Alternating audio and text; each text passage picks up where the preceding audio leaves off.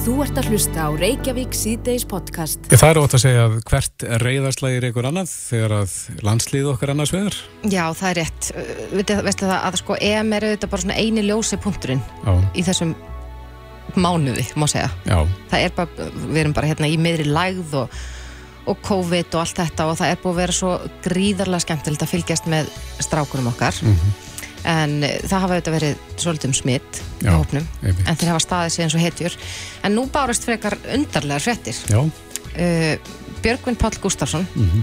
hann fekk jákvæða niðurstöðu úr hraðprófi í morgun og nýs skriðin á fætur. já, hann var með COVID og virðist hafa greinst aftur eða hvað, Björgvin Páll er á línunni kom til sæl Komið Selbjörn. Hvernig stendur á þessu?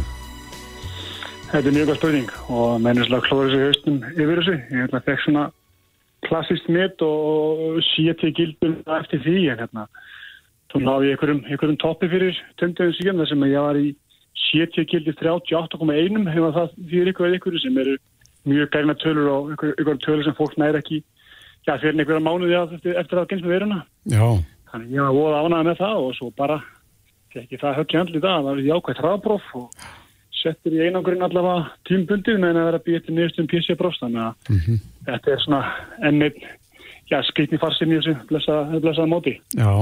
En byrju, þú var- varstu komin á fætur þá og varstu byrjar að umgangast fólk? Já, ég var alveg búin að vera úst, í spilandi leikinu gæri, ég var að beknaði gæri og hérna, búin að vera úst, út á einangurinn í Rúman Sólaring og, Já, og hefur bara ekki, hef ekki fundið fyrir COVID í mínútu held ég að að þessum, þessum, þessum 60 dögum sem var í einangurinn að 50 dögum þannig að hérna, engin ég- ég. Eh, engin einkenni, ég fann svona fyrstu svona þrjá tímana sem að já, þegar ég var með býðið til niðurslum að svona eitthvað kýtli álsinum en svo bara er þetta búin að vera að sapna orku og, og eila bara sofa eins og betur en nokkur tíma fyrir mm. hefur eitthvað náða að æfa þig inn á herbyggi? Já, ég hérna, var með Ólegu Guðmundsin í Herbyggi, hann var smittað líka og splittum upp Herbyggjunum, þannig ég tók bara rúmi hans og hendi bara rönd hérna Já, og búin að búa til meiri svæði og með tennisbolta til að halda mér í formi og, og maður getur gett ímestlega að halda blóðfræðin gangandi til þess að halda geðil sín líka. mm. hvernig var að komast í leikin í gær? Bara ómyndanlegt sko, það var bara hérna kannski hættulega við að ég var að hitta fyrir leikinu, fann ég svona að bremsa maður af, það var einhver rosa mikil orkin í mann þegar þetta losn út, þannig hérna. Er leiðild að tapa leiknum en hérna ég myndi bara, já, kærkom að geta hjálpað um eitthvað og verið svona til staðar en leiðild að vera að koma inn í einhver aftur núna og ég býr bara spenntur því að sjá hvað þessi prófessor hérna ég er alltaf að gera þessu málunum. mm Ertu búin að fá út úr sagt, út af samkvæmt fréttum sem við lásum áðan að þá varstu búin að fá jákvægt hraðpróf en varst að býða eftir niðurstöður PCR-inu Nei, ég býð bara ennþá og eins og þess að fimm dagar sem ég býð eftir sem gildum það hérna, ég svo býð bara eiginlega við býður sko. Það er eins og býð allan daginn að fara í test og fá út testi. En Hvernig finnst þér þetta ferðalag hafa verið? Náttúrulega ótrúlegt gengi ykkar hérna fyrst til að byrja með, komust þarna upp í milliriðil og svo náttúrulega eins og súsaga og fólk þekkir hana, þarna frakkaleikurinn og allt það. Mm Þetta er þetta, þú veist, og svolítið kiftnir á jörðin eftir frábæra byrjun með þessum, hérna góðsmitum. En stórmóti handbólta eru, já, eiginlega langt frá bóltaleikum fyrir okkur. Þetta er eitthvað sem skiptur okkur öll ókslega miklu máli. Og einhvern veginn, já, maður er líka svona, gerum gýr all mótið og, og alveg bara á miljón einhvern veginn. Þannig að, og mikið að svona hægðum að lægðum, en þetta er eitthvað ekstrím þegar kemur núna sem að bæði nýðustu leikja og frábær gengi og svo COVID-19 og tapmöndum Danmörku, Sigurðundi Fraklandi þetta er búið að vera rosalega rússibæni sem að verist enga enda taka þannig hérna, ég trú ég bara að sé eitthvað skonar skrítið handrið að eitthvað skemmtilega æfintýri sem að heldur fara á morgun Já. Hvernig uh, líst þér á, á næstu viðregn? Mjög vel, við erum ekki, við erum alltaf fámennar alltaf voru að bætast í hópun smitt í dag og við erum ekki náða að losa um leikmenn þannig að það fækkar alltaf fækkar. Það verist með, með hverju smittun að hinn ykkur örnum taka bara meira ábyrð og við erum farið skemmtilega leikamóti svartita landi, landi og svo mætu við, já, við saman sjómættu og hverjum dani og allt við vel. Þannig hérna, við, okkur dreymir enda um að komast, komast lengar á þessu móti og, og trúum því alltaf og við erum alltaf með það bak vera að við erum íslningar. Mm En uh, er vona því að einhver losni úr uh, einangrun þá á morgun eða fyrir leikin? Það eru, veist, það getur allir losna og það getur engi losna, sko. Þannig að við veitum erum ekki neitt. Við erum þessi, gildi sem við erum að fá í hendunar hverju sinni eru rosalega skekt á milli, milli daga og, og reglurnar einhvern veginn á gráðu svæði og þetta verðist að við gett þetta ákvörðun hjá ykkur tókastjórum hérna sem að hef veit alltaf mynda sem að væri farin að efast um þegar maður er settur í einangurinn í annarskipti. Þannig að hérna, við verðum bara að býja að sjá og ég held að koma ykkur svona frettir í dag og, og vonandi svona ykkur að regluna fara að skýrast eða allavega, koma ykkur sterk lína í þetta sem maður getur gengið út frá en allavega, þetta er mjög flókið og fyrir utan regluna sem eru flóknir í millirili sem að Íslingar og fleiri er að skilja, taka þessu tvö stig og, og þannig að hérna, það er verið að flækja málun enda meira með þessum COVID-málum líka. Mm -hmm. En ég held reynilega ég hef bara aldrei heyrt um neitt sem greinist með COVID tvísvar á svona stuttu millibili. Er sem sagt verið að rannsaka þetta? Hvernig, hvað hefur átt sér staðna?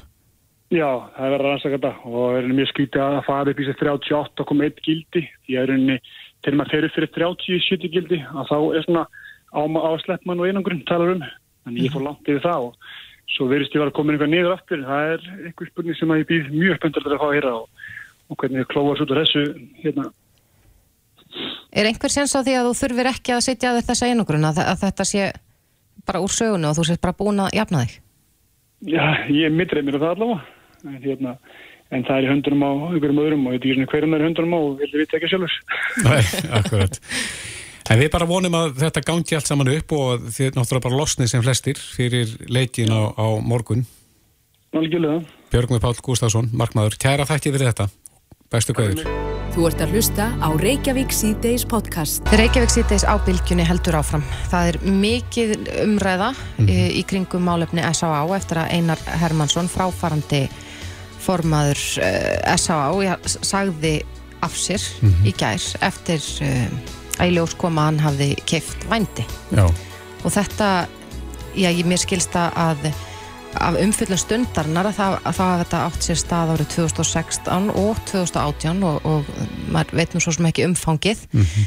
en eh, já, málefni S.A.A. eru allavega á milli tannanáfólki. Já, hefur Gustaf svolítið um þar og, og ekki bara út af þessu máli? Alls ekki.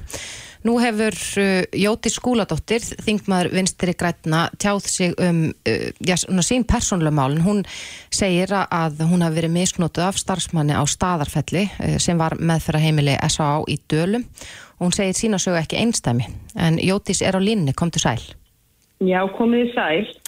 Já, þú kallar eftir breytingum og þú kallar já, eftir aðgerðum. Já, ég ætla nú að byrja á því að fá að leiðrétta það sem þú sagðir. Ég, hérna þetta er ekki svona eins og þú lístið því heldur var starfsmæður sem að misnotaði stöðu sína gafvart mér utan S.A.A. Það er svo þrem árum setna sem að ég leita mér meðferðar mm -hmm. og þá tekur hann á móti mér þar innan dýra. Ég skil. Og byður mig um að þegja um þetta aðvika. Akkurat. En þetta er, þetta er sláandi frásögnjótis. Hvort sem það hafi átt sér stað á, á uh, meðferða heimilinu eða annar staðar en þú, þú í raun og veru tjáir um þetta og skrifar á Facebook frá þínum raunum og, og kallar eftir breytingum. Hvaða breytingar viltu sjá? Sko ég hef bara í uh, ára ræðir held ég tala fyrir öllu ofinberu heilbreyðiskerfi. Það er auðvitað eðlilegt að uh, kannski fá uh, einhver aðila til að sinna afmörkuðum verkefnum fyrir ríkið en það að heil málaflokkur sem eru fíknisjúkdómar séu meira og minna í höndum eh, félagarsamtaka það finnst mér fullkomlega óeðlegt. Þannig að það, það hefur verið mín sín lengi. Að ég mhm. mynd bara alveg eins og ef við værum að tala um hvers konar aðra heilbröðistjónustu. Akkurat. En þú tala líka um þarna að það sé, já, þeir hafi blöskrað, eins og þú segir, óendanlega margt í starfsemi og hugmyndafræði innan S.A.A. Uh, væri vænleira í, í þínum huga að, að dreifa þessu frekar, að, að önnur félög eða, eða ofnbæra stopnarnir myndi taka meiri þátt í, í þessu? Já, ég held það, sko, S.A.A. er auðvitað mikilvægt vinnur mikilvægt starf í íslensku samfélagi af því að það eru ekki aðrið til þess. Eh, það sem ég er að vísa í eru þetta bara áratuga saga S.A.A. Það sem hefur bara hallað gríðarlega á konur. Það hefur ekki verið margt þeim ábendingum sem eru búin að koma fram mjög lengi og, og hefur jafnvel verið vittneskja stjórnvalda um, til dæmis uh, var mikil umræða svo kallega bánsadelt fyrir nokkrum árum þar sem að uh, börn voru vistuð með fullordnum fíklum og jáfnveil hættunum einstaklingum Við höfum heilt að kynfyrirsbrotum innanstofnanna, við höfum heilt að eh, sko, fjármála óreiðu. Það eru svo óendanlega mörg mál í gegnum söguna sem að koma upp. Og þess vegna er ég að segja, nú er bara komin nóg. Það eru örfáir dagar síðan að eh, fjallað var um og það eru þetta enn til rannsóknar uh, varðandi sjúkratryggingar Íslands og, og, og hvort að rétt hafi verið stafið að, að, að hérna reyningagerð hjá S.A.A. það eru bara svo ótrúlega margt sem að þarf að skoða og að mínu viti væri þetta bara miklu betur komið innan heilbriðis kervisins, hins ofinbera kervis. Þannig að þér finnst að landsbítalinn eða einhvers lík stopnun ætti að taka þá við þessum hérna, fíknisjúkdómum? Já og þetta eru þetta líka þannig að, að það er svo erfitt að gaggrina og þessum að hefur gengið rosalega hægt og ég fikk að segja það að það hafa orðið alls konar hallarbyrtingar og breytingar á stjórnum og breytingar í starfsmannahaldi hjá S.A.A. og það hefur margt gott gerst og viðhorfin hafa að mörguleiti breyst. Þau eru þetta ekki eins og þau voru fyrir 20 árum eða 5 árum. Mm -hmm. en, en nýjustu frettir segja okkur hins vegar að það er ekki allt í, í lægi og ég hérna verð bara að segja fyrir mig að, að mér finnst það ekki heppilegt að einhver félagar samtög sem að byggja og hafi gegnum áratugina byggt á til dæmis reynslusborum að samtakana sem er frábær fyrir þau sem það virkar fyrir en, en þú veist þetta er ekki vísindalegt, þetta er ekki klínist nálgun á heilbriðisvanda það þurfum við að horfa miklu sterkar á. Mm -hmm. En hvernig gæti starfið breyst ef að ríki tækit yfir? Hvað, hvað getur ríki gert betur heldur en samtök sem hafa unnið í þessu málaflokki ára og tugi? Uh, þau geta til dæmis hugsanlega haft bólmagt til að hafa kynski, hérna, kynjaskipta meðferð, algjörlega kynjaskipta meðferð. Uh, það er líka hægt að bara fara þá af sömu aðferðum og ef við erum að tala um, um hjartasjúkdóma eða, eða hvað sem er annað að það sé ekki byggt á uh, fræðum sem eru ekki endilega staðfæst vísindarlega. Ég ber mikla virðingu fyrir því fólki sem starfa hjá S.A.A. en að vera heilbriðið starfsmæður hefur að mínum að þið þurft hugsanlega meira heldur en fræðslu í nokkra vikur innan stofnunarinnar. Mm -hmm. það, það er þannig sem við höfum að byggja það upp. Við höfum að byggja þetta upp á heilbriði starfsfólki, við höfum að byggja þetta upp á, á hérna, gæðsviði, tjúgrun og aðsendingu. Þetta eru livjameðferði, þetta er allt mögulegt. Þetta er bara, eh, vogur er spítali, eftir meðferðin er eh, samtalsmeðferð og annað og ég held að þó að margt að því fólki sem starfar hjá S.A.A væri fullkomlega vel að því komið að starfa áfram á, á vývæðlinum, á vettvangi fíknivandans, uh mhm. -huh. en ekki undir stjórn uh, einhvers fólk sem er ekki með faglega þekkingu á málum. Nei, en nú hefur maður líka oft hertjótis að það séu önnur úrræði, sko þá svona bara enga rekin má segja, sem eru í bóði. Uh, þurfum við aðeins að vika skilningin á, á uh, meðferðin við fíkn? Já, það er nú oft sagt, það er sama hvaðan gott kemur og auðvitað eru þetta einstaklingar, þetta eru manneskur sem eru að berjast fyrir lífið sínu og eiga ekki kannski í neinhús að venda, þau hafa engin, engar lausnir þannig að þau fara í það sem að stendur til bóða en ég veit ekki hvort við myndum sætt okkur við að, að e, fólk með síkusíki færi inn á stopnun í, í, í svona kirkjulega meðferð og, og niðurdýringar og skýrtnir kannski væri það eina lausni sem þetta fólk sæja eða kemst verið gæna staðra ég veit það ekki, en, en það er bara þetta sem ég er að horfa á, þú veist, auðvitað er fólk í góðri trú að vinna að hag og, og meðferðum fíkla út um allt en ég held að ríki þurfi bara að standa upp og, og gera betur þarna.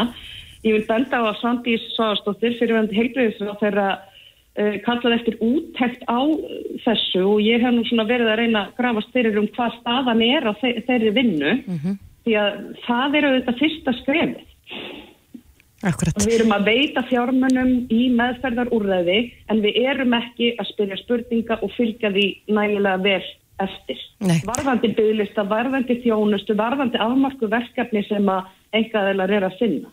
Þetta Akkurat. þarf að vera miklu ofnara. En Jótis, þú situr á þingi, sér þið fyrir þér að, að beita þér fyrir þessu inn á þingi til þess að fá þessu breytt og, og fá þessar aðgerði sem þú kallar eftir? Já, ég mun allavega kalla eftir því frá ráþæra að uh, vita stöðun á þessari vinnu og, og að einhvers konar úttækt fari fram og ég held að það sé ekkit eitthvað eitthva mín skoðun eða því að ég er þingmaður. Við sjáum það bara uh, meiri hluti fólks er ofbóðið sko. Og þú veist, það, það er á hverju einasta ári kemur upp eitthvað. Varðandi meðferðir og þá er ég ekki bara að tala um þessa og ég er að tala um aðra staði uh, þar sem að eitthvað kemur upp á, við verðum bara að gera betur og ég ítrekka það, þetta er hluti eh, af heilbriðiskerfinu, þetta er sjúklingar og við bara skuldum þessu fólki það að um málaflokkin sé almennilega haldið. En það er svo sem á, á hinvegin er margt sem að er reykja af ríkinu gaggrind líka, langir Já, bygglistar já. og annað slíkt, þannig að, þannig að uh, það er spurning hvort að þessu máli sé best komið í höndum ríkisins eða eitthvað starf annars þar. Ég, það er mín skoðun og ég meina það hafa verið langi bygglistar hjá S.A.A. og mikil eftirspurn eftir auknu fjármagnum til að mæta þessum bygglistum sem að alltaf dúkka upp, alltaf 500 manna bygglisti á S.A.A. og hérna höfum við yfir sín yfir það, hvernig það gengur að, að, að manna og, og hvaða þarf stærra húsnæði, hvaða er þetta fjármagna að koma. Ég held að svo yfir sín og svo eftirfylgni sé betur falið hjá ríkinu. Þannig að myndir þá vilja að ríki tæki bara yfir rekstur Vox og S.A.A. verði lagt niður í þeirri mynd sem það er. Ég, ég sé því ekki til fyrirstöðu að félagsamtök uh, standi fyrir einhvers konar uh, aðstöðu og, og, og baráttu gegn fíknivandanum. En ég held ekki að frjálfsfélagsamtök sem byggja á, á, á svona huglægum hugmyndum um, um fíknivanda eigi endilega að, að stýra hluta Íslands helbiðskons. Já. En það verður frólægt að sjá hvernig uh, fer með þessa úttekt sem þú rættir um. En uh, Jótis Skúladóttir, þingmaður vinstri græna. Kæra þakki fyrir þetta. Já, takk takk. Þetta er Reykjavík C-Days podcast. Appelsínugular viðvarinir hafa verið í gildi mm núna í dag viða og vara við eh, færð á færð gæti spilst á fjallvegum eins og hellisegi. Akkurat. En það er spurning, já, það er spurning hvernig eh, staðan er núna. Einar Sveinbjörnsson hjá Veðuvaktinni og Bliku er á línunni, kom til sæl. komið sæl. Er þetta að ganga niður? Þetta er að ganga niður hérna, byrja að ganga niður á um söðu vestanvertlandi en, en viður hefur vestnað hins vegar til dæmis á leiðinu norður í land og hérna austur með Mm en ef við byrjum bara hérna á söðu vesturlandi þá er þetta búið að ná hámarki, það er að byrja að kólna núna og, og farin að verða jél á lálendi. E, það hefur tekist að halda halda helliseiðinu opinni í allan dag, þráttur erfið skilur því. -hmm. að ég sé það núna flughálka í þrengslum komálið það þegar að við reynum svo núna svona snjófjúk þá bólerast snjórin undir dekkin bílun og mynda hálku. Og hérna en, en það var aldrei alltaf svört sko að vindurinn út á seldandinni sem hann komst í 23 metru á sekundi hérna í dag og það er svona því meira sem maður sér á heimstað svona utan til á höfuborgarsvæðinu og hérna en það var þetta ansi kvast og það er hverki skjóla að hafa í þessari vestanátt uh, á þessum stóðum, hvorki á söðunni sem niður á höfuborgarsvæðinu sem að færi þetta bara myndi niður En þú segir að eh, vindurinn er núna á leiðinu norður. hann er á leiðinni norður og í þessum töluðu orðum að þá eru hvorki meirinni minna en 33 metrar á sekund upp á bláhæðin og holtafriði en hún er ekki lokuð en hins er búið að loka ákstandalsegin og þar er, er, er þar er að komin í þessa suðvestan og vestanátt og, og magnast þar upp og þá er nú fljótt að, að verða mikil skafrinningur og kófum en sjá ekki neitt. Þar að auki er, eru, eru ég lega bakka líka með þessum einhver ofankoma og síðan sko á Suðurlandi þá hefur verið foráttu kvast til dæmis við Vík á Reynisfjalli. Það hefur verið, verið, verið það í dag og síðan fyrir austan Vík, austur Mýrdalsandi. Og nú er byrjað að vestna líka á, á Suðusturlandi og, og þar verður verður byljótt eins og íbúar þar tekja í, í norðvestanótt frá Jökulsálóni og, og í Hamarsfjörð sem er nú frægur byggustafið þegar hann hittir á rétt áttina. En þá skapleitt þar og síðan alveg austur á fyrir og það stendur svona til miðnættis og svo fellur allt í dúnalóknin nótt. Allstaðar á landinu?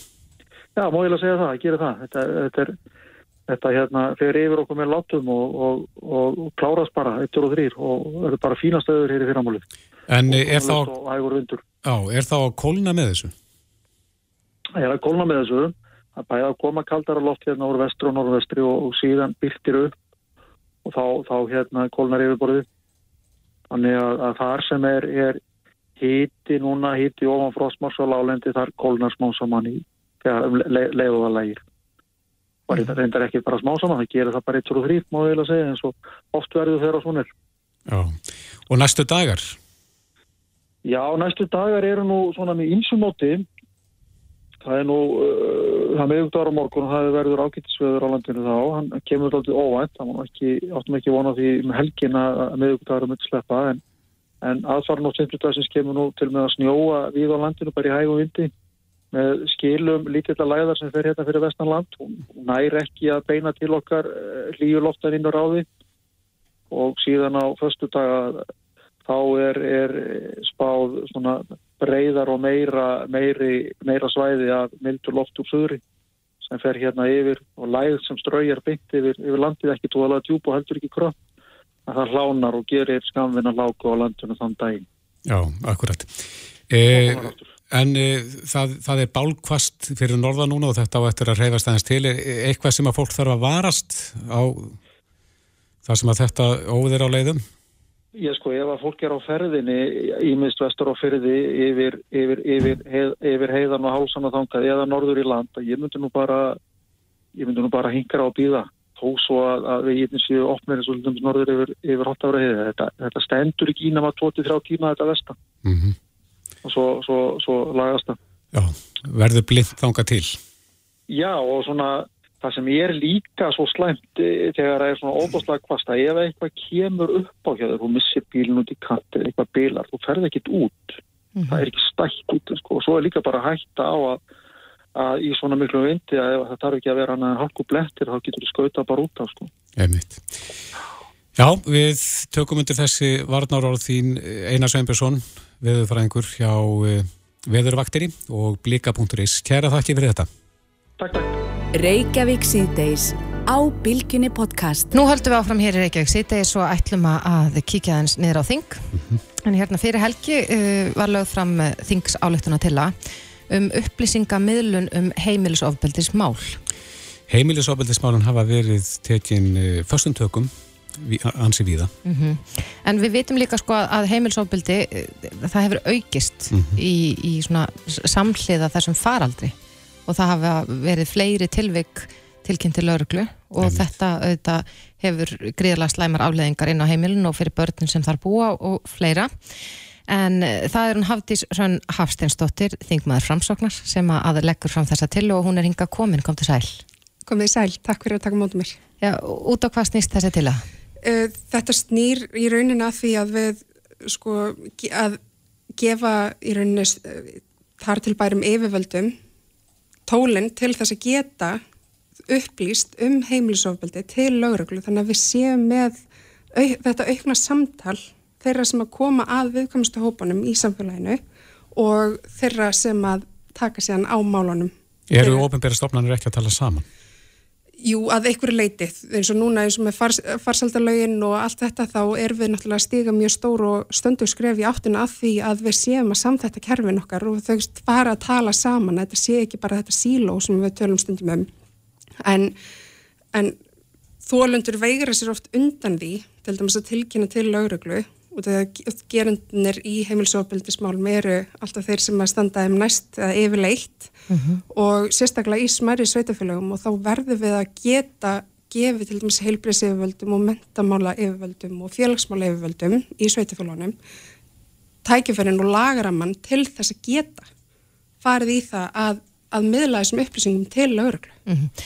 Er eitthvað sem að, að er semst eitthvað í löggjöfunu sem kemur í vekk fyrir það til dæmis já, starfsmæra á, á helsugæslustöð eða í skóla tali við lögregluföld? Já, þetta er alltaf þannig að eins og í heimilsofbildismálunum þá er, þetta eru svo rosalega viðkvæm mál og það er yfirleitt að forræði þólandans að fara áfram með málið en þarna er ég, er ég í rauninni að leggja það, leggja það til að innanríksráðara verði falið að sko móta það hvernig við getum betur farið það að ef að það er óg eða heimilsofbildi hjá viðkomandi fjölskyldu eða barn verður vittna af heimilsofbildi eða verður fyrir því sjálft til dæmis mm -hmm. að það sé þá hægt að grýpa framfyrir hendunar og upplýsa án aðkomi eh, kannski ekki alveg án aðkomi þólanda, þetta verður náttúrulega alltaf að vera í, veist, í góðu sam, sko, góðum samskiptum við þólandan mm -hmm. en þannig að það sé hægt þá að fara áfram með málið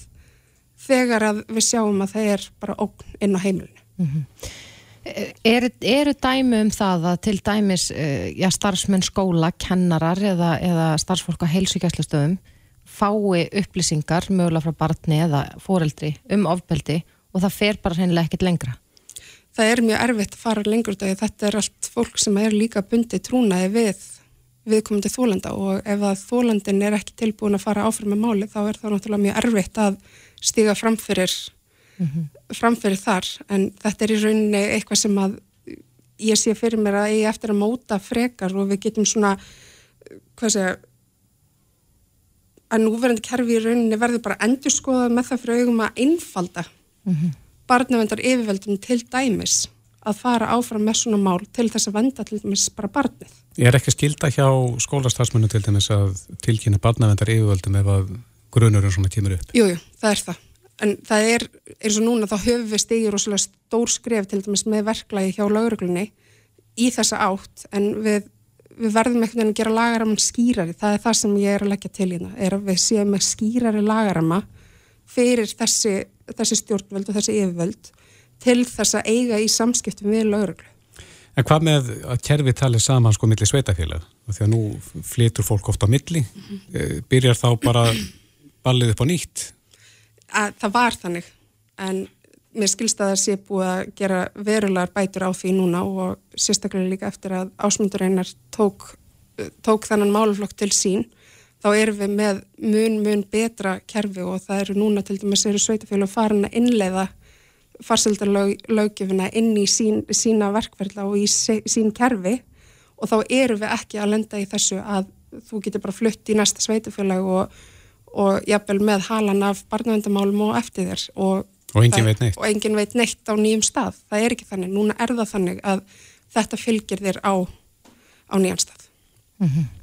En uh, þú leggur til að, að það verði settur á fót starfshópur mm -hmm. og, og þessi starfshópur á þá að, að ég er hennilega að finna leið til þess að bæta lögjöfuna í kringum þetta málumni Já, það er í rauninni það sem ég er að leggja til að við förum í það að endurskoða í rauninni bara með þetta fyrir augum að við getum sko gefið, gefið þessum aðilum tólinn til þess að meðla upplýsingum sín á milli. Mm -hmm. og þetta er í rauninni eitthvað sem að starfsóparinn myndi þá bara útfæra frekar.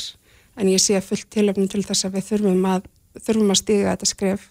Og það er verið að tala um það til dæmis núna eins og í, inn í þólendameðstöðum og svona, þú veist, ég menna þar eru samskipta á milli út af þetta er sami, sami kunnahópur til dæmis í eða kunnahópur ef ég má segja nota, nota það orðalag til dæmis ég á félagsmála yfirvöldum á Selfossi og Sigurhæða á Selfossi sem er svona þjónustum meðstu fyrir þólendur ofbeldis mm -hmm. þannig þetta við erum í raun, ég er að leggja til að það verði sett, settu skýrrami í kringum þetta mm -hmm.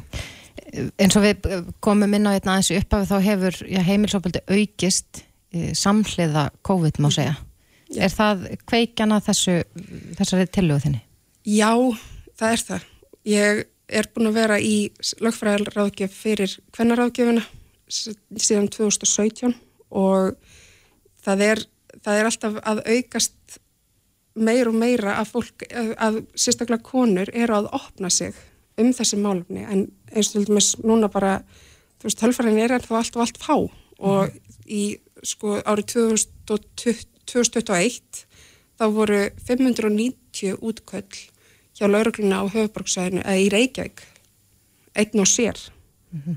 og 45,5% af þeim útköllum voru í rauninni vegna heimilsofbeldis af hendi maka þannig að þetta er við erum að sjá aukningu og við verðum Er það að aukning geta áður?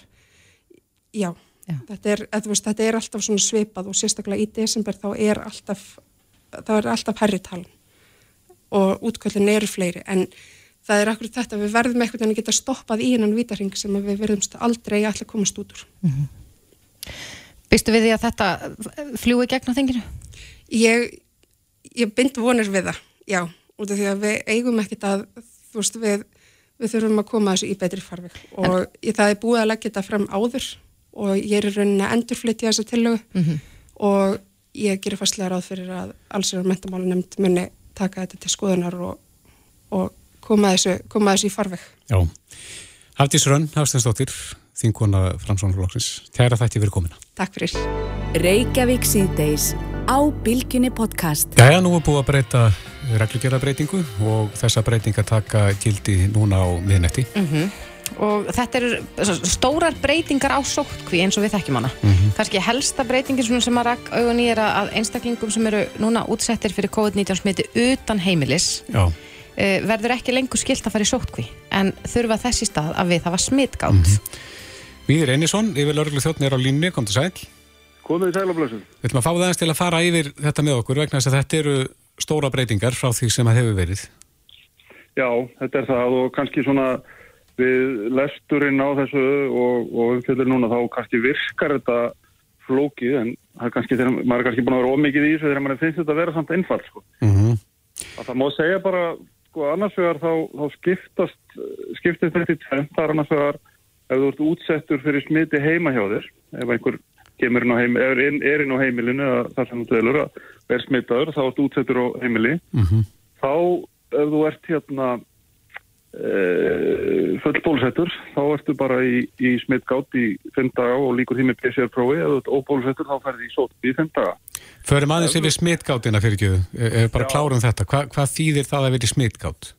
sko smittgátt er svona fyrst og nefnst bara að fara mjög varlega en það er aðeins svona skilgreitt eins og í minnistöðan þá sóttabalengi að þá áttu að, að forðast uh, tiltekinn fjölda svona 20 mannsjóks eða eitthvað svoleiði sem er miða við og uh, þú átt að vera með grímu og þú átt að reyna að hafa fjarlægð og, og, og svoleiði þannig að þetta er svona já, þetta er bara að fara varlega þetta er kannski ekki ósepaði leitningar og við vorum með sem að, sem að hérna, var í sókvi en mátti fara út, mátti fara í vinnuna Mm í því. Þannig að vera með grímu, ekki vera í stórum hópum, auðvitað ekki að heimsækja við koma einstaklinga og, og það sem allir þekki að vera sko.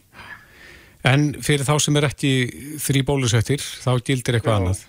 Þá auðvitað ekki þrý bólusettur eða, eða tí bólusettur og búin að fá COVID þá þarf það að fara í sótkví, bara hefðbundar sótkví sem, sem að stendur í fimm daga. Þe- Þetta á bara við ef þú útsettur heimahæður. Þannig að ef þú ert út í vinnunni eða í skólanum eða hvar annar staðir í íþróttum eða eitthvað, þá þarftu bara alveg sama hvað, hvaða hérna, bólusetningarstatus þú ert með og þá ferðu í smitgátt, eins og ég nefndi á þann þess að með grímuna og forðarsfjölda og annað slíkt. en, en, en þann hóp erum við ekkert að skrá neitt nákvæmlega. Það er fyrst og náttúrulega þess sem verður í sókvína sem er útsettur heima sem við erum að skrá. Hinnir verða, hinnum treystum við til þess að að hérna fara varlega og, og, og sinna, sinna sínum persónbundu vörnum. Akkurat. Við fengum senda fyrirspurn í dag hér frá hlustanda sem akkurat við kemur þessari smitgátt og þessari, þessum nýju reglum en, en það var uh, starfsmaður á leikskóla sem að veltiði fyrir sér um, ef, ef að til dæmis starfsmaður á leikskóla er í smitgátt þarf þá viðkomandi að bera grímur í vinnunni, í nánd við börnin. Sko börnin eins og náttúrulega er ekki, ekki með grímur en, en já, það, það gæti alveg verið þannig að hann þyrst að gera það ef hann, ef hann, ef hann væri í smitgátt. en, en sko það sem að það er mjög, mjög, gott að þau nefndu þetta með börnina því að það er svona sko ástæðan fyrir að fara í þessar aflettingar, þessar breytingar á sókunni eru nokkrar. Og kannski svo stæðsta sem að kveikja náði að fara að skoða þetta en að finna lausnir er snýrið mitt að börnunum og það er auðvitað eins og allir hafa tekið þátt í, allir hafa upplifað er þessi síendur tegna sókku í barna að, að sérfræðingar okkar eins og umbóðsmaður barna og fleiri hafa bent á það og það séum kannski bara verra fyrir börnin að lenda síendur tekið í sókku heldur en að heldur en að fá, fá veiruna sko. þannig að það, þetta er eitt af því sem þarna er verið að bera saman alls konar hlut en ekki bara reynar að klára sótanarástafinum þess vegna er þetta og það faraði með börnin og síðan vorum við bara að leita leiða til þess að, að hérna láta samfélagið ganga meta hættuna á sjúkdómnum og öllu þessu sem við þekkjum all Mm og, og það er síðan, síðan að auki er, er sko uh, álægið á sínatökum vegna þegar fólk er að klára sótkví að það er bara orðið gríðarlega mikið. Þannig er, er, verður það ekki lengur að fólk endi eða sko smitt neða sko ef þú ert útsettur utan heimili þá ert ekki að fara inn einn próf. Nei, en ef þú ert sem sagt, útsettur inn á heimilinu þá ferði í, í próf hvort sem þú ert í sótkví eða smittgátt endar sótkvinn á, á prófi. Já, Á það sama við um börn viðir, varandi eh, sínatökur. já, ef þau eru útsett á, á heimilinu. Ekki Já. sem segjum svo svo bara að, að, að batni í þriðabekki í, í, í grunnskóla er, er útsett í skólanum þá bara mætir það daginn eftir í skólan bara eins, eins og, eins og venjulega Mhm. og engin prófið eða neitt fyrir þau Ef það kemur upp smitt annarkvort í, á leikskóla eða í, í skólum er, er þá ekki um að ræða að rekja og, og hérna sótkví? Nei, þetta er einmitt eitt af, eitt af sem er mikil breyting og hefur auðvitað verið mikil, mikil umræða um meðal stjórnenda skóla og þeirra sem hafa staðið fram á nótt í smitræningi skólum að þetta hefur verið mikið álag. Þetta er bara búið þá núna frá með minn. Á það líka við en kennarana? Já, það er engin smitræningi í skólunum. Nei. E erum við að vissuleita að leifa veirunni svolítið að flæða með þessum nýju breytingum? Já, það er augljóst í okkar huga að, að smitum en fjölga. Ég held að það sé, við veitum bara hvað það er stór hluti þeirra núna undanfari sem hafa verið í sókví sem að hafa verið að greinast og það er þá alveg í fæstan tilfellum að útsetta einhvern annan. Nú er, nú er það breyting á og það má alveg búast til því að smitu fjölgi í kjálfari. Í yngsta hópnu þá?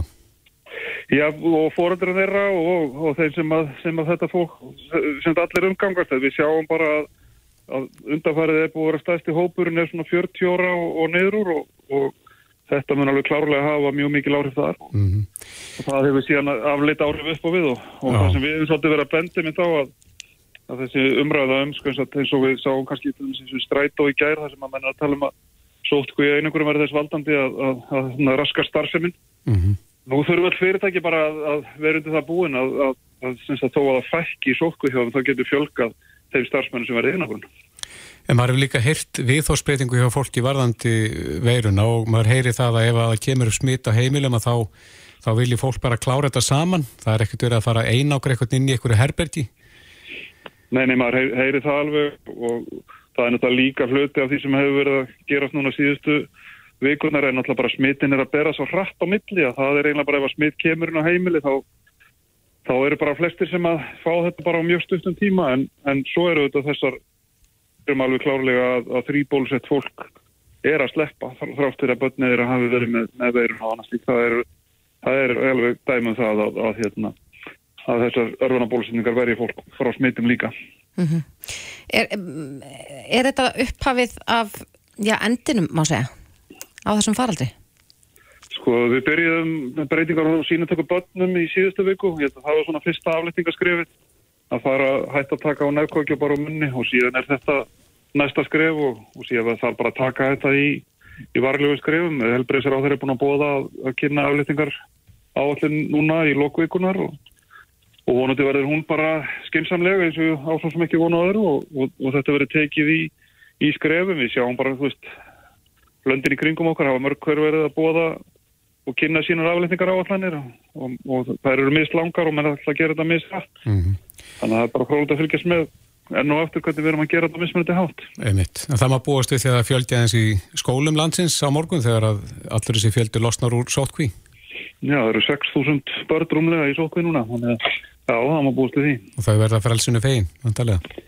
Já, hef, þetta er þarna held ég það sem að hérna, eins og ég segi að okkar sérfræðingar í, í hérna, málefnum og velferð barna hafa bent á þetta sé, sé hérna sé búið að vera slæmt fyrir þau og maður auðvitað heyri þessar sögur af börnum sem eru búin að lenda 5-6 sinnum í sótkví það er náttúrulega bara, lítur að vera bara mjög íþingjandi fyrir börnin að öllu leiti, ekki bara félagslega heldur líka bara námslega. Einmitt. En við nú hefur þú verið að svona lifa og hrærast í þessum efnum í, í tæp tvö ár. Erstu, erstu uggandi yfir þessar ákvöruna að, að, að það séu svona miklar breytingar í farvatninu?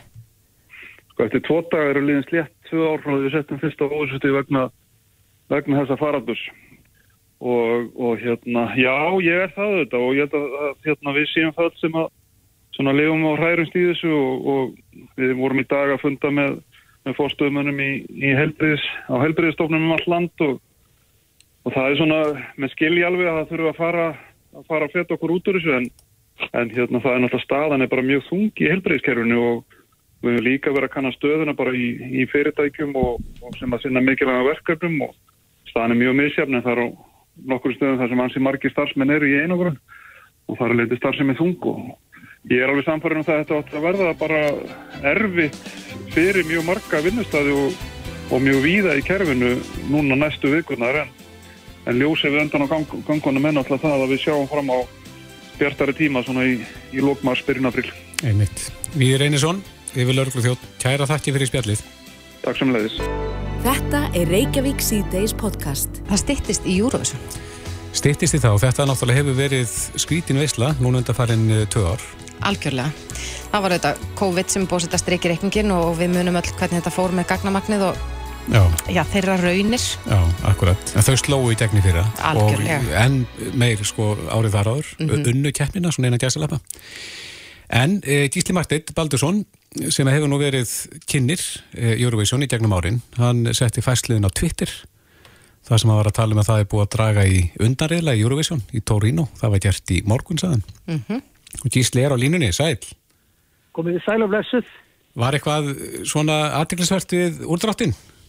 Ég sko þetta er alltaf eh, fyrir það sem eru dálsleiri nördar hvað þetta varðar, þá er þetta smá svona, eh, ég segi ekki hátíðistagur en þetta er svona ákveðu upphaf af því að núna er ykkur hundra dagar í keppnina og, og minna í, hérna, í undankeppninar, það er bara eiginlega akkurat hundra dagar í undankeppnina sem við verðum í og, og þegar er búið að draga í sem sagt þess að tvo undanriðla þá getur maður svona raunverulega fara að láta sér laka til þá til dæmis vita þjóðunar fótum daginn þær eru að keppa og geta farið að panta hótel og panta flug og allt þetta -hmm.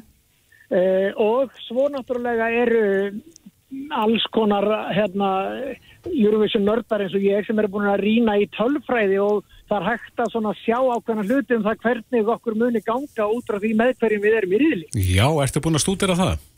Ég er svona að leita aðeins yfir þetta og, og mér finnst við vera frekar heppin. Það skiptir í sjálfsvegar engum máli hvort maður er í fyrri eða setni riðlinum, þriðudagur eða fymtudagur.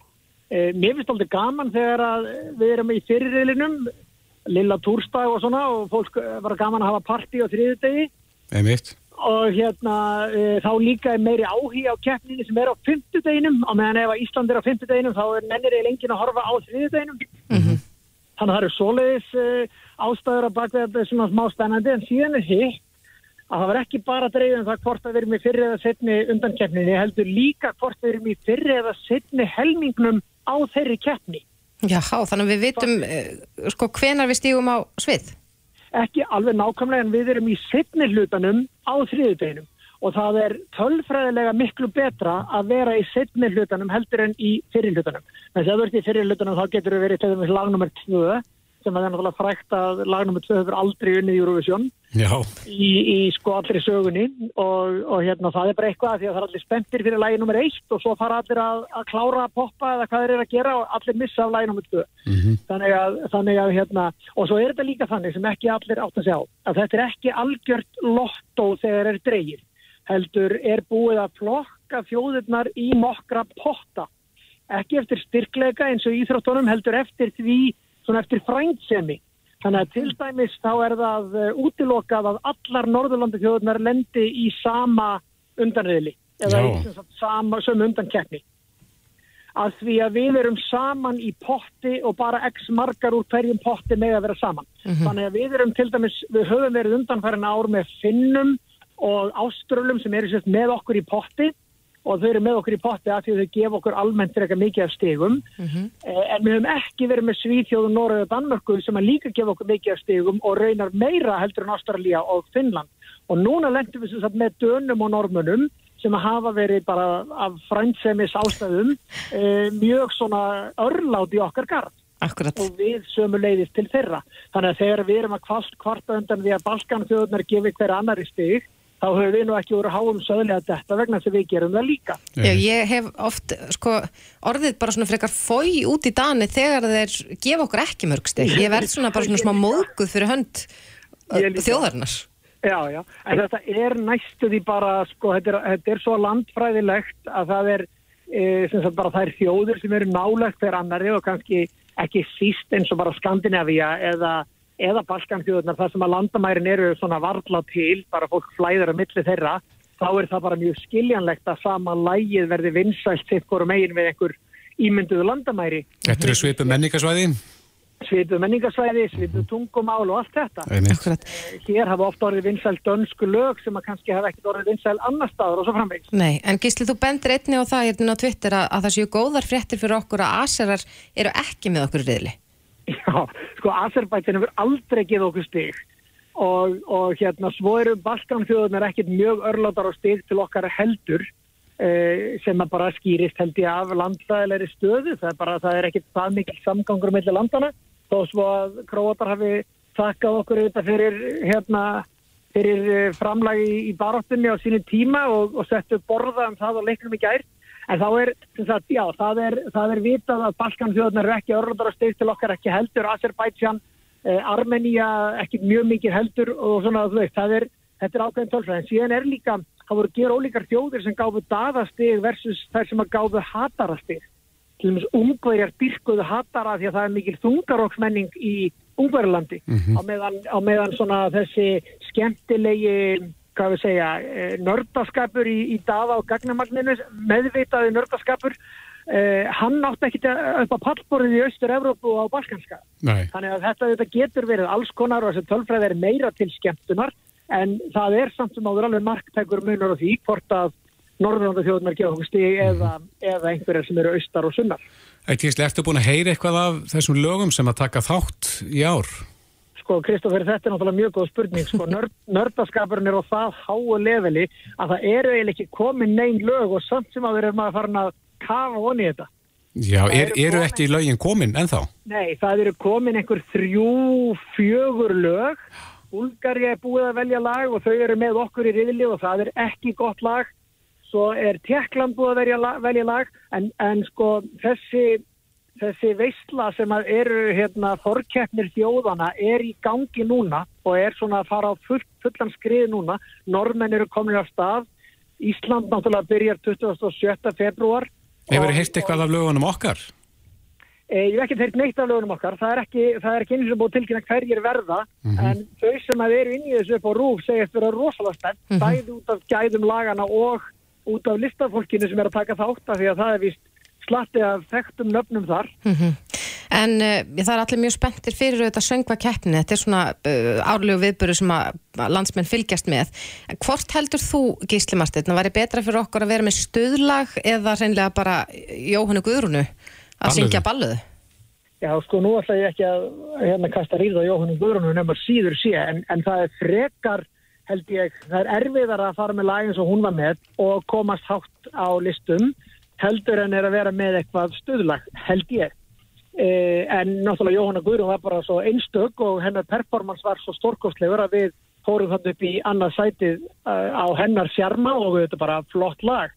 Eh, núna finnst mér, undanferðin ár höfum við verið með sko atriði sem að er flott listaverk, bæði daði og uh, hatari sem dæmi uh, og bæðilegin að staða voru svona einhver hópur, það, þau voru bara rosalega sko, flottir listamenn með, með hérna hálgerðan görningi til við ekki hatara og svolítið líka með daða þau voru aðeins að gera grín að forminu, ákvaða að vera með alvöru vindvél, ákvaða að vera með alvöru Eurovision hækkun og svo mhm. framvegis þannig að þetta var ekki bara einhver hvað var að segja, góður karokisöngvari sem er sendur út einn eða einn á sviðið og svo bara hérna einhverju strengir tjúnaðir í bótt. Ég held að það þurfa að vera eitthvað meira heldur af það og ef menn hugsa, heyrðu, já, þessi hérna kallkinn söngvari einn á sviðinu mun alveg negla þetta. Hugsiði þá um einhvern serpa kall sem að kæmi einn á sviðið alveg með power balluðu ég hugsa að Íslandingar stæðu margir upp og færa á klostið undir því og það gildir alveg hinn áttina líka. Já, akkurat. En svo er náttúrulega heilmikið líkindi með Eurovision í, í fyrra og, og svo EM í handbólta núna. Daði ja. og þau lendur náttúrulega í COVID einangrun og eins og haldt liðið okkar núna. Já, alveg rétt. Og hérna ég fekk smá svona flashback þegar að Guðmundur fór að tala um það að það væri bara lélegar sóstaðnir á hótelinu og allir bara á sama faðborðinu í matsalnum vegna þess að það var sjokki sem við fengum þegar við komum út. Já. Ísland var algjörlega grænt þegar við komum út. Við erum eins og bara á hóteli með, með hérna, Pólandi sem var eldrautt og Rúmeníu sem var eldrautt á þeim tíma og, og þau bara buði í partí strax fyrsta kvöldið sem við fórum ekki í en ég meina að fólk var að nota sama gym og, og það var sama mötunetti og svona þannig að eftir á higgja við Felix vorum með að tala um þetta veist, auðvitað hefðum við bara átt að setja fótinn í golfu og sagt bara, heyrðu, við viljum bara annað hótel Akkurat. en, en þetta fór vel staði og, og gagnamagni í fjórðasæti og allt það Komið sá og segriðu, einmitt. já, já, En þetta er gríðarlega spennandi og við munum eflaust heyra í þér aftur Gísli Marsteinn áður en að eh, já, þegar það er búið að tilkynna hver verður fyrir okkar hönd þarna á sviðinu og fleira í þeimdur. endilega það væri mín væri ánægjan þetta er, þetta er sko í þessu skamdegi núna, ég tala ekki um þeirra veðrið og svona, þá er gott að hafa eitthvað svona e, passlega kjánalegt en, en samt aldrei skemmtilegt til þess að ilja sér við Akkurat. Já, við tökum myndir það með þér. Gísli Marsteinn Baldursson, kærar þakkir fyrir þetta. miklu frekar, takk Hlustaðu hvena sem er á Reykjavík C-Days podcast. Við heyrðum ekki alls fyrir löngu talað um droppin brúðköp.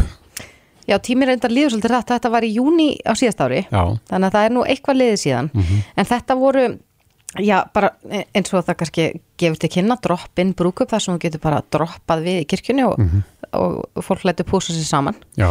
en uh, nú stendur til að endur taka leikinn Já. og það verður núna í februar á, já, einni flottustu dagsetningu sem ég man eftir langa tíma. Ég held að það verði löng byð í jafn flotta dagsetningu. Þetta er 22. februar, 22. annar 2022. Og ég þurfti að skrifa það niður á þann til þess að fatta það hvort það var eftir að lesa þetta eins í báðar áttir, en Einmitt. þetta er sem sagt svona speilmynd, Svona samhverfa. samhverfa akkurat. En það eh, allavega stendur til að hafa aftur svona droppinn brúðkaup í Grafóskirkju og á línunni hjá okkur er Guðrún Karls Helgudóttir, eh, sóknaprestur í Grafóskirkju. Komdu sæl. Sæl blessur. Já, kannski byrjum á því að spyrja því hvernig gekk síðast? Við töluðum nú saman í einhvern tíman í um miðan júni í fyrra þegar þetta var uh, á döfinni. Einmitt, þetta gekk svo vel í fyrra að við ákveðum að þetta verður, verður árlegt eh, í framtíðinni held ég því að við giftum 20 hjón hérna á einum degi Mm og, og á tímabilið þá giftum við tvö hjón í einu en, en það er ekki eins og það hljómar. Þau voru sko annur hjónin í kapillinni og hinn í kirkjunni. En er, er náið að gera þetta svona svolítið uh, hátilegt? Að hátilegri Já. stund eða er þetta bara eins og í Las Vegas?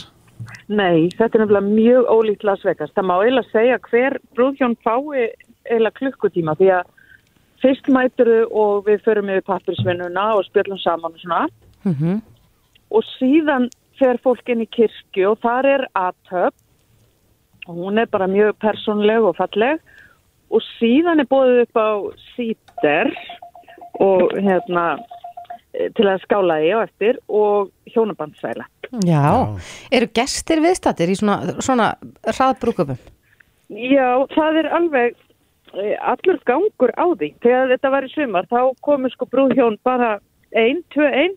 Mm Sum komu með votta, sum komu með börnin sín. Ég held að flest hafi verið eitthvað millir 50 og 60 gestir með einum hjónunum og, og þá var líka sumar brúðir í bara brúðakjól og þannig að þetta var alls konar. Já, já. Það var alltaf skemmtilegt. Já, en ertu fann að finna mikinn áhuga á þessari flottu dagsetningu 22. februar? Já, við auglistum þetta bara núna fyrir helgina og það eru komnar sjö staðfestar bókanir. Já, þetta er þriðju dagur. Þetta er nefnilega þriðdagar, þannig við svo sem vissum ekkert, þú veist, hvort að fólk myndi hafa áhuga á þessu. Nei, Hvort það kemur bara einn eða engin eða tíu eða við bara veitum ekkert um það. og verður þetta með sama sniði og síðast? Já, við viljum hafa þetta með samansniði. Það var svo vel hefnað að, að hérna, við viljum bara halda því. Og svo er svo skemmtilegt að Akraniskirkja, þau ætla að gera þetta líka. Sama dag? Já, Já. þannig að þau ætla að gera þetta upp á skaga. Þannig að ef fólk býr á Vesturlandinu eða Akranesi, þá er hægt að skella sér í Akraniskirkju. Glæsilegt.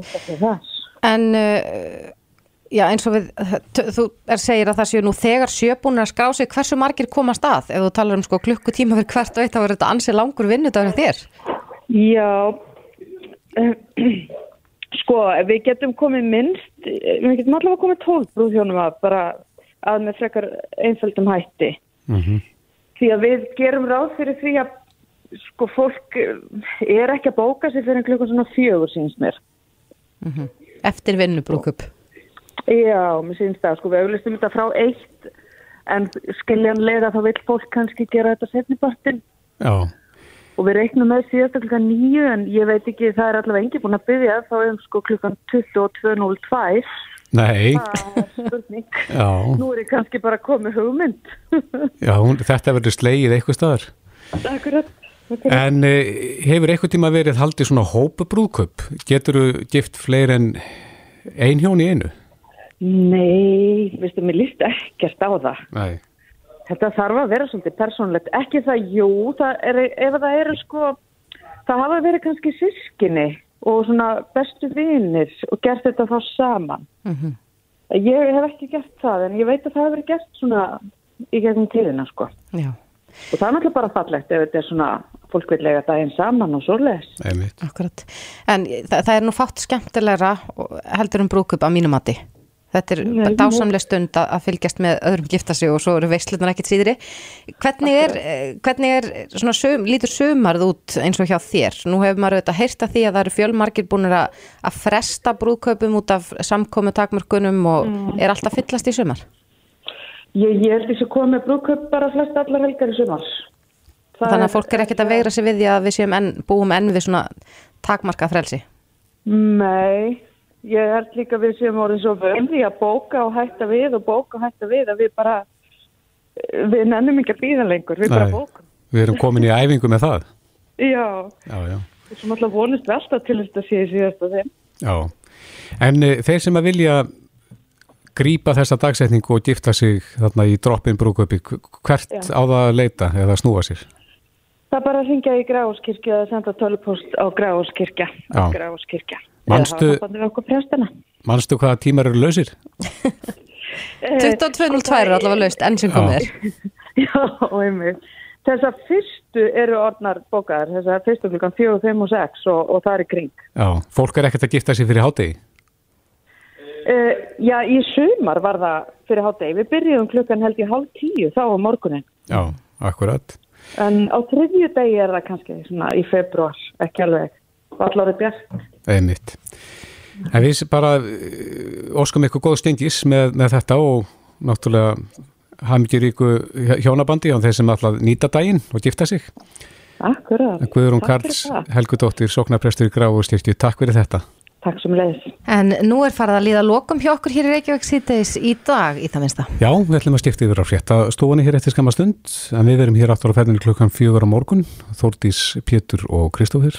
Verið sæl. Reykjavík síðdeis á bylgjunni.